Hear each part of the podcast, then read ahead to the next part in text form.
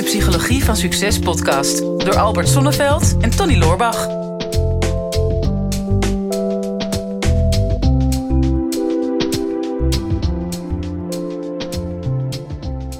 Tony, ik wil wel iets weten over bepaalde gewoontes die je hebt en de manier waarop jij je gedachten een beetje structureert. Want volgens mij gaat het in je hoofd altijd alle kanten op, of valt het wel mee? Dat viel altijd wel mee. Ja, totdat Ja. je de podcast met mij ging doen.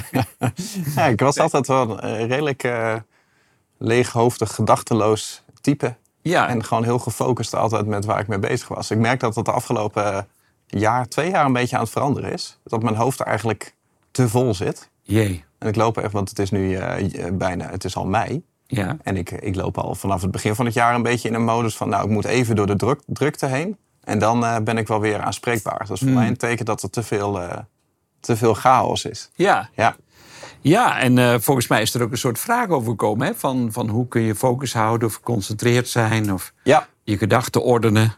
Nou ja, dat is eh, niet, hoor. Zelfs dus ook wel relevant. Ik ben Ja. heel benieuwd hoe dat voor jou is. Maar een vraag van eh, Quincy. Of ja, we hadden een aantal vragen gekregen en die gingen allemaal over focus, prioriteiten stellen, concentratie. En dan pak ik deze even uit, dan kunnen we het over dat onderwerp hebben. Quincy die zei, beste Albert en Tony, ik heb recent ontwikkelingen meegemaakt waardoor ik steeds meer ga nadenken over mijn werk, sociale contacten, passies en dergelijke. Het kan soms wat veel worden en ik merk dat het mij erg helpt om deze gedachten op te schrijven in een soort van dagboek. En daarom de volgende vraag. Hoe gaan jullie om met alle gedachten die je op een dag door jullie hoofd spoken? Hebben jullie ook een dagboek of hebben jullie andere manieren om daarmee om te gaan?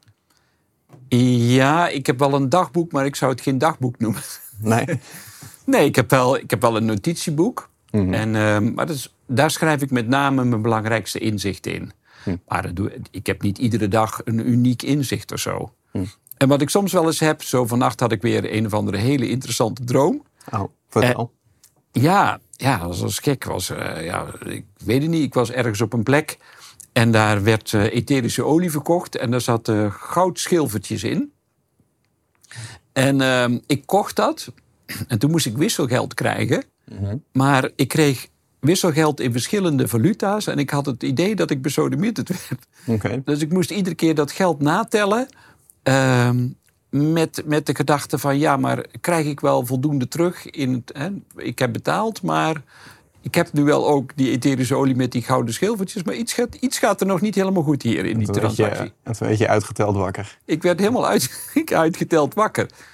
En ja, ik ben er nog niet achter. Luisteraars zitten waarschijnlijk nu ook te puzzelen. En misschien zitten ze zelf wel te denken van... Oh ja, ik, ik zal wel even suggesties geven... dat er allerlei eh, dromen eh, mensen zijn die dat goed kunnen analyseren. Mhm. Maar ehm, ja, ik wilde zelf nog een beetje op knobbelen. Maar dan vind ik het wel fijn als ik die droom ook even opschrijf. Nou, dat doe ik dan in zo'n boekje. Of als ik een gesprek heb gehad met eh, waardevolle vrienden. En ik heb een probleem voorgelegd en ik krijg dan antwoorden. Dan vind ik de essentie uit van die antwoorden vind ik wel fijn om op te schrijven. Maar ik ga niet opschrijven wat ik iedere dag gedaan heb. En die, die journaling, daar doe ik niet meer aan. Dat vind Nee, ik een beetje... maar, maar heb je in het verleden wel meer gedaan dan, Ja. denk ik. Ja. Ja, en ik heb ook nog zo'n eh, Whoop-app. Dus die houdt dan mijn gezondheid een beetje bij. Mhm. En eh dan, s morgens vraagt hij ook altijd... wat heb je de vorige dag gedaan? Hm. Nou, in het begin typte ik nog, daar heb je niks mee te maken. Maar aangezien we toch zo intiem verbonden zijn, mijn Woep en ik... denk ik, ja, laat ik maar eerlijk zijn. En dat is wel grappig. Als ik dan wat minder of anders geslapen heb... dan kan ik daar ook weer in journalen. En dan, nu ga ik wel wat meer patronen zien bij mezelf. Van, oh ja, die onrust van de afgelopen nacht... heeft wel te maken van de activiteit de dag daarvoor. Ja, ja maar dan, dat, dat is dus wel gewoon een specifiek onderdeel van je leven waar je Ja. ergens naartoe werkt. Ja, Ja, ja. dat, is, dat is nog wel een verschil. Want, want ik merk het ook hoor. Ik heb in het verleden altijd, altijd schrijfboekjes gehad. En, Ja. en meestal gewoon in eerste instantie voor business. Maar dan ga je er ook al snel andere dingen in schrijven. En ehm, om dan eigenlijk gewoon alles wat je leert, alle inzichten, alle gedachten die je gedurende de dag hebt, om die dan op te schrijven. Of er komen er op een gegeven moment tools voor. Er zijn tegenwoordig ook van die apps waar je dan gewoon niet kan inspreken in je telefoon. Ja. En dan wordt het al eh, door eh, artificial intelligence uitgetypt en naar jezelf toegemaild. Van, oh ja, je loopt op straat, je hebt een, een half idee, je spreekt het snel even in en het wordt meteen naar je e-mailbox gemaild, zodat het een to-do-punt is geworden. En dat, en dat lijkt allemaal zo praktisch, zeg maar. Alleen ik merkte dat op een gegeven moment ook, het wordt een beetje overkill. En je bent jezelf de hele dag van meer werk aan het voorzien. Hè? Dus een gedachte blijft nooit bij de gedachte, maar er komt altijd een, een vervolg uit. Waardoor er ook helemaal geen prioritering meer is. Nee. En, je, en je gewoon heel veel ruis in je hoofd hebt. Ja, Nou, dat, dat wil ik dus absoluut niet meer. Het heeft me wel geholpen hoor. Soms, eh, en, en zeker in de psychologie ook, adviseren we echt wel mensen om een dagboekje bij te houden. Maar dat is om patronen helder te krijgen. En mijn personal trainer vraagt ook, zegt ja, ik ga je een ander trainingsschema, uh, trainingsschema geven. Maar Albert, ik wil wel dat je het dan erbij bijhoudt. En, nou, goed, dat snap ik ook. Hè. Dat is echt heel gericht op één doel. Maar als je nou echt zegt van ja, om meer focus en concentratie te krijgen, ga ik al mijn gedachten ordenen en die dan opschrijven. Dat geeft alleen maar meer mhm. gedachten. Want waar gaan gedachten uiteindelijk over? Hè? Je hebt zo'n, ja, iedere drie, vijf seconden heb je alweer een gedachte. Mhm. Het zijn niet, lang niet altijd nieuwe gedachten. Vaak zijn het gedachten die zich eindeloos blijven herhalen. Zeker als je een pieker bent over een bepaald patroon. Mhm. En als je daar nog geen oplossing voor hebt gevonden, blijft je brein maar steeds gedachten produceren. Mhm. In de hoop dat er een keer een oplossing komt. Ja, maar die oplossing die komt niet als je te veel aandacht aan je gedachten gaat besteden. Mhm. En vanuit de meditatie weet ik juist dat het een kunst wordt om niet te veel aandacht aan je gedachten te besteden. Ja. En, en daar zit denk ik ook uh, richting focus en concentratie als je kijkt wat is het eigenlijk, dan, dan concentratie is niet, niet anders dan met je wilskracht heel gericht je energie richten op een bepaald punt, je aandacht met name, om uiteindelijk een bepaald doel te bereiken. Ja. Ehm, maar dat begint er wel door ja, jezelf een, een, een hele harde stop te geven. Door te zeggen, ja, stop met die gedachten. Ik ga nu mijn volledige aandacht richten op dat punt. En als je niet dat bewuste besluit neemt, ja, dan, dan blijft die, ja, die lawine van gedachten die blijft maar terugkomen. Ja. Ja, het is grappig dat um, je hebt natuurlijk hele goede boeken over, over focus, waaronder het boek uh, Focus van uh, onze goede vriend Mark Tichelaar. Geniaal boek. Hè? Die, die, die maakt het heel erg pijnlijk duidelijk wat, wat een gebrek aan focus voor impact op je leven heeft. Hè? Die heeft het met name over het, het dodelijke van het wisselen van taken. Hè? Dus als je mm. twee dingen tegelijkertijd door elkaar heen aan het doen bent. Ehm, wat je echt wel doet inzien van nou, ik moet mijn aandacht richten op, op één ding. Uh, is ook een heel interessant boek, uh, Indistractable heet dat. Ehm, en van uh, Neer Eyal is dat volgens mij. Die heb ik ook gekocht voor, voor het hele team hier, omdat ik hem ook zo goed vond. om gewoon mensen te leren van, ja, weet je, kijk naar alle meldingen en naar alle afleidingen die je op een dag hebt. En hoeveel, je hoeveel tijd en energie je daarmee verspilt. Hè? Dat als je gewoon echt leert om je concentratie weer gewoon echt te focussen op één ding uh, hoeveel je kan bereiken. Alleen in dat soort boeken, er wordt eigenlijk nooit rekening gehouden met, met je eigen gedachten als afleidende hmm. factor op je andere gedachten. Ja. Dus het is heel makkelijk om te zeggen van nou, eh, als ik me moet concentreren, dan doe ik mijn telefoon weg en dan doe ik mijn laptop weg en dan zet ik eh, de, de, televisie uit en, en alles moet weg. Dan heb ik mijn aandacht op één ding. Dan ben je niet afgeleid. Maar toch, terwijl je je aandacht op één ding hebt, komen er ook nog andere gedachten. Ja, exact dat. Ja, En, die, en die zijn heel verleidelijk om na te jagen en daarover uh, door te fantaseren. Of als je denkt van nou, daar heb ik nu geen tijd voor om ze dan bijvoorbeeld op te gaan schrijven mm. voor later. En ik merkte van het wordt steeds waardevoller om te weten wat je moet negeren. Dat is het, het echte geheim van succes. Uh, of een doel bereiken is weten wat je moet negeren. Ja. En dat betekent dat als een, een, gedachte zich vormt en je weet al van ja, deze gedachte is niet voor mij nu, dan kan je die gedachte inderdaad laten komen en ook weer laten gaan zonder dat je daarmee verder gaat. Want als die relevant voor jou wordt later in je leven, dan komt die gedachte wel weer terug. Negeren is vooruitzien. Ja. Zo werkt dat nu eenmaal. Ja, ja dus dat, dat is denk ik vooral dat je, dat je jezelf beter leert kennen van wanneer is het nou onrustiger in mijn hoofd, wanneer ga ik die gedachten nou najagen en wanneer niet. Ik merk bijvoorbeeld als ik me echt wil concentreren, dan helpt het mij om in een andere omgeving te gaan zitten. Hm. Als ik in mijn eigen vertrouwde omgeving zit, is het voor mij moeilijker om zaken te negeren dan dat ik um, ja, in een andere omgeving zit. Dus als ik in een koffietentje zit, um, met mijn latte macchiato bijvoorbeeld, mm -hmm. met uiteraard natuurlijk wel uh, havermelk, hè, want zo ben ik. Ja, dat moet je er wel bij zeggen. Ja. ja, het is heel relevant. Ja, het is heel relevant. Dan gaan mensen nu weer nadenken over wat voor koffie drink ik eigenlijk. Ja. Maar goed. En dan zit ik in een koffietentje um, en dan doe ik mijn oortjes in. En dan merk ik dat ik veel makkelijker mezelf kan concentreren dan wanneer ik thuis ben. Mhm. En eigenlijk omdat er dan te veel prikkels zijn, dwing ik mezelf om juist weer heel erg gefocust te zijn op één punt. Mhm. En ik heb heel gek in mijn eigen huis relatief weinig prikkels. Maar daar kan ik mijn gedachten veel meer de vrije loop geven. Mhm. En dan kom ik ook veel meer in de verleiding om dingen tussendoor te doen. dan dat ik op één plek zit in zo'n koffietentje bijvoorbeeld. Ja, ja dat, dat kan ik me heel goed voorstellen. Ik, ik merk aan mezelf gewoon als ik drukker ben, hè, dat heb ik de afgelopen maanden heb ik dat dan.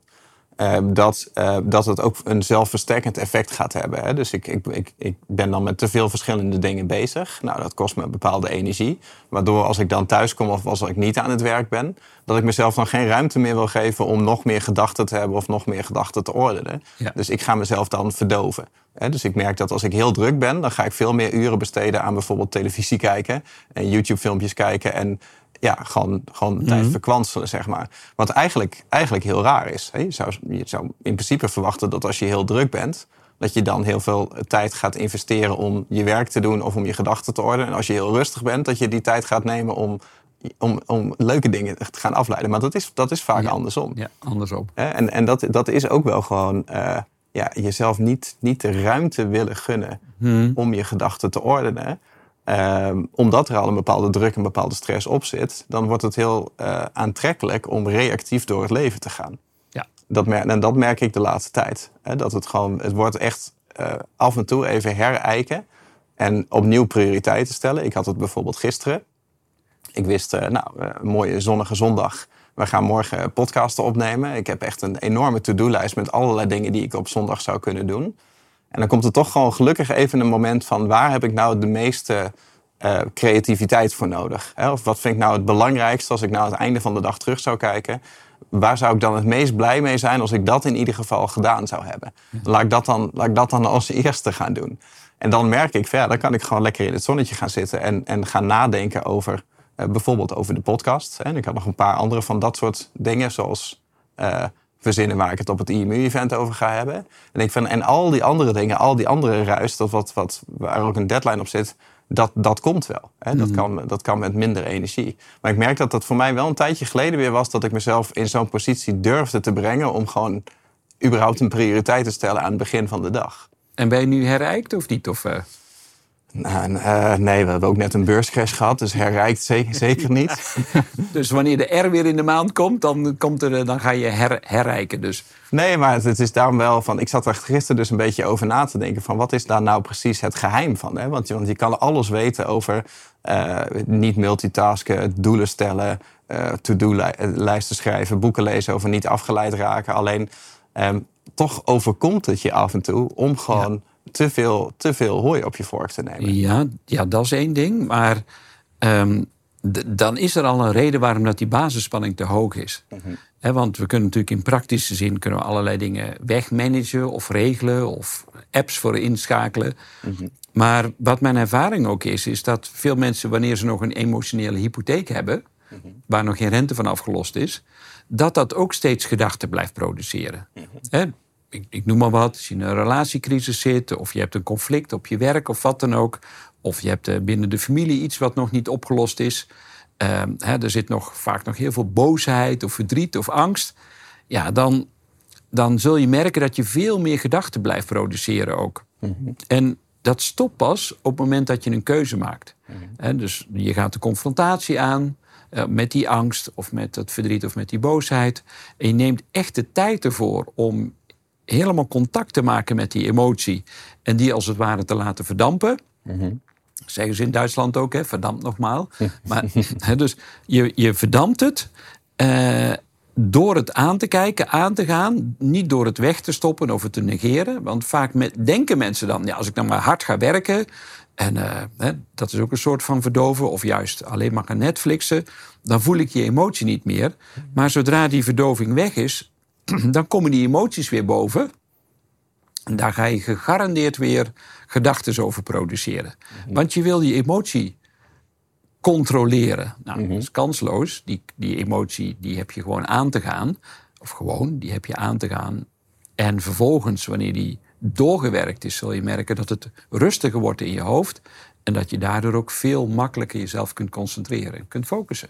Ja, ja, en ja. Nou, her- herken ik me inderdaad wel in. Ja. Ik zat een tijdje geleden dat boekje te lezen, Verslaafd aan Denken, van, eh, van eh, Jan Geurts. Eh. En die geeft ook denken aan als een een verdovend iets. Dat vond, Ja. dat vond ik best wel een gouden inzicht ook al. Van, het is niet per se social media of alcohol of koffie of wat dan ook wat, wat als verdoving bedoeld is. Maar zelfs het produceren van gedachten kan, kan gewoon al verdovend werken.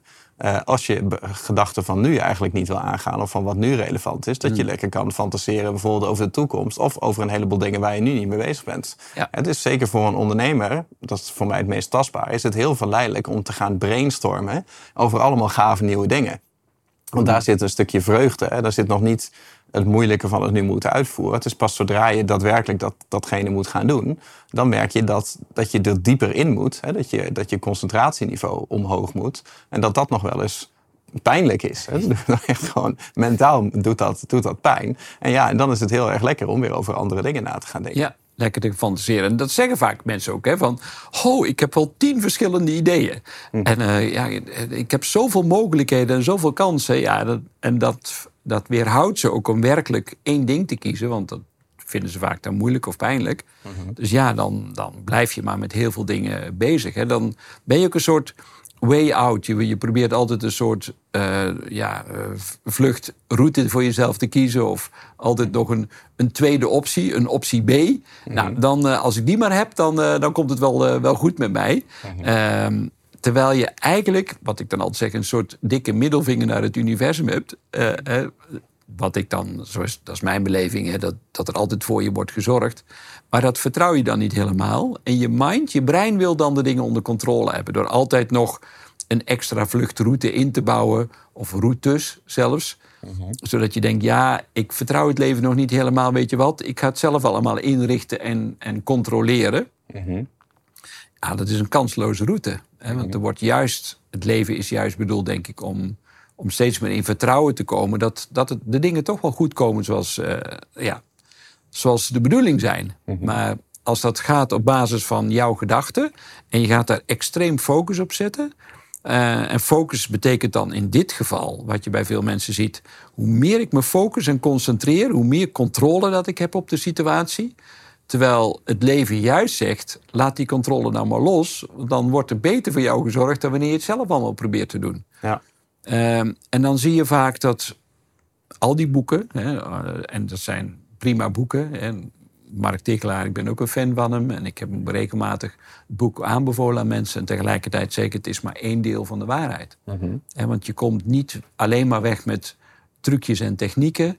Ehm, er zit een laag onder, waardoor dat er een soort chronische onrust bij je is. die, die maar blijft zorgen voor die malende gedachten. En die, en die stroom van gedachten die, die niet ophoudt. Ehm, en dat, dat gaat pas stoppen op het moment dat je bereid bent om stil te staan. Dat is een beetje, ehm, ja, een beetje tegenstrijdig. Hè? Sommige mensen denken, ja, als ik maar blijf rennen, dan vang ik altijd iets. Nee, het is juist stilstaan, uitzoomen, eh, achterover gaan leunen, vertragen. Zijn allemaal manieren om uiteindelijk een veel betere concentratie en een veel betere focus eh, te krijgen. Ja. Nou ja, dat was een beetje het gevoel wat ik bijvoorbeeld gisteren had. En, en ik merk dat de laatste maanden merk ik dat wel. Van ja, het gaat, het gaat natuurlijk altijd een beetje in, in fase van extreme focus hebben. Ik heb ook tijden gehad dat ik dacht van nou, hè, nu heb ik het eh, leven uitgespeeld. Ik eh, weet precies wat ik belangrijk vind in het leven. En elke ochtend als ik opsta, dan doe ik eerst die drie dingen die ik graag wil doen. Hè. Ik wil eh, sporten, ik wil een boek lezen, ik wil mediteren. En dan is dat mijn dag. En daarna is de rest, de rest bonus. Ik heb ook echt wel... eh, heel goed mijn prioriteiten kunnen stellen. Met, hebben we ook wel eens verteld, met, eh, met challenges in het verleden. Dat zijn Ja. inderdaad allemaal dingen die je heel bewust kan implementeren. En ik merk aan mezelf van oké, ondanks alle technieken zit er inderdaad een bepaalde onrust. En dan is het enerzijds herijken. Dus gewoon nadenken van ja, maar wat vind ik nou eigenlijk echt belangrijk? Nou, dat vind ik een moeilijke vraag, want alles wat ik doe vind ik leuk. En dat levert ook allemaal op wat ik wil dat het oplevert. Dus er is ook helemaal, er is geen probleem. Nee. Maar er is gewoon een constante overspanning. Hè? En precies wat jij zegt, van als je dat gewoon merkt aan jezelf, van als jouw probleem is van het lukt mij niet om prioriteiten te stellen. En dat is al langere tijd een probleem voor jezelf. Dan weet je eigenlijk al wel van nou, hoe je je leven hebt ingericht. Dat klopt gewoon niet. Dat betekent dat je dus niet een, een keuze hebt durven maken. Ja. Ofwel de dingen waar je geen prioriteit aan geeft. Die zijn eigenlijk niet belangrijk genoeg voor je. Mm. Die wil je misschien heel graag, omdat je denkt dat het van je verwacht wordt. Ja. Maar in ieder geval, de noodzaak is voor jou niet aanwezig om er echt prioriteit van te maken. Ja, of er is gewoon echt geen ruimte in je leven voor, voor dat soort dingen. En zul je dat met te veel energie zul je dat moeten compenseren. En, en dat kan met, met tools zijn en met technieken en met wilskrachten, met sociale controle. Maar dan nog steeds kost het energie om dat in je leven te krijgen. En, en wordt het niet zeg maar, je dagelijkse gewoonte zonder dat het energie kost. En ik denk dat je er dan inderdaad niet onderuit komt dan af en toe een keer een moeilijke keuze maken. Ja. En wat eh, weg te doen uit je leven. Zodat er weer ruimte komt voor wat andere prioriteiten. Ja, dus je moet prioriteit stellen Mhm. ehm, op het feit dat je een belangrijke keuze te maken hebt. Nou, dat is voor mensen vaak te spannend. Hè? Want ja, je weet niet wat de toekomst gaat brengen. Weet wat je nu hebt. Hè? Dus eh, de dingen die gebeuren in de toekomst zijn geen garantie voor... eh, hè? of was het ook alweer in het Ja, verleden? wat in de toekomst gebeurt, dat is geen garantie voor wat al gebeurd is. dat, is dat is hem inderdaad. Ja. Dat is met- maar ja, dan weet je ook, ja, dat is weer, dat vind ik het mooie, vind ik ook het magische van het leven. Ja, je, je, je hebt er echt niet altijd controle op. Het, het gaat altijd anders dan dat je denkt. Dus ja, eh, op het moment dat je dat meer kunt omarmen, dat dat zo is. Ehm, en je heel eerlijk durft te zijn. Wat is nou een keuze die ik steeds maar voor me uit blijf schuiven? Wat, zijn nou, wat is nou unfinished business? Wat ik iedere keer maar ja, laat liggen omdat ik het te spannend vind om het aan te kijken. En dat, ja, dat kan een bepaalde taak of een activiteit zijn. Je moet al heel lang die zolder opruimen. Of eh, je tuin is inmiddels een woestenij geworden. en dan denk van ja, eh, en je blijft dat maar uitstellen. Of er is iets binnen de familie of op je werk. Of ehm, ja, op een ander gebied of op het gebied van je gezondheid. En je blijft het maar voor je uitschuiven. Ja, dan weet je gewoon dat je een, een, een situatie creëert waarin je gewoon slecht kunt focussen en concentreren. En er, is niks anders. Ook tools gaan je uiteindelijk niet helpen, want ja, dat is symptoombestrijding. Dus als mensen zeggen, ja, ik heb moeite met focus of concentreren, dan zeg ik, dat is niet jouw probleem. Jouw probleem zit altijd een laag dieper. En je zult hem ook op een ander niveau moeten oplossen dan het niveau waar je nu mee bezig bent. En dat, dat doe je dus niet alleen met, met tools. Dus ook niet met een dagboek. Hè, want daar begonnen we mee, deze podcast. Nee, ik zou zeggen dagboek. Precies. Neem afscheid. Ja, los het maar een keer jezelf op. Ja, ja, ja. En, en, en ga met jezelf zitten of met iemand die eh, ja, jou kan adviseren. Dat kan een coach of een therapeut zijn. Dat zijn dan betaalde vrienden. Je kunt ook onbetaalde vrienden eh, kiezen. Mensen die jou langer kennen. Zeggen, ja, wat is nou mijn patroon? Of wat is nou mijn neiging? Wat, heb ik nou, wat, wat ben ik nou aan het uitstellen? Of wat is nou, waar loop ik nou al een hele tijd over te klagen... maar eh, los ik maar niet op voor mezelf? Ja. Nou, dat is inderdaad ook wel een interessante vraag van waar loop ik nou al langere tijd over te klagen? Zou je Ja. zelf inderdaad ook bij jezelf kunnen, kunnen analyseren. Ja, Ik vind het wel grappig. eh, wij hebben natuurlijk ook nog een mastermind groepje. Ja. Eh, en in de appgroep zette, zette Bas uh, die zette daar volgens mij vorige week een uitspraak in. Want een van de jongens had ook een vraag over hoe moet ik nu verder met mijn bedrijf. Hmm. En toen zei Bas, eh, je hart heeft al besloten, maar je hoofd wil het nog niet toelaten. ja. En dat vond ik, ook, vond ik echt een hele mooie uitspraak, die ik ook nog wel relatief pijnlijk vond. ja. Want denk, ja, als je die uitspraak nou eens echt eens eerlijk op je eigen leven durft te leggen, van wat zijn nou de dingen waar jij mee worstelt. En kijk van wat heeft je hart eigenlijk al besloten en wat wil je hoofd nog niet toelaten, om wat voor reden. Ja. Dan, daar, schuilt, daar schuilt een hele moeilijke beslissing in. Ja, ja ik, ik, ik had een iets andere variatie erop. Hè, want ik zeg altijd, je hart weet het. En twijfel zit in je hoofd. En dus op het moment dat je twijfelt, dan weet je één ding zeker.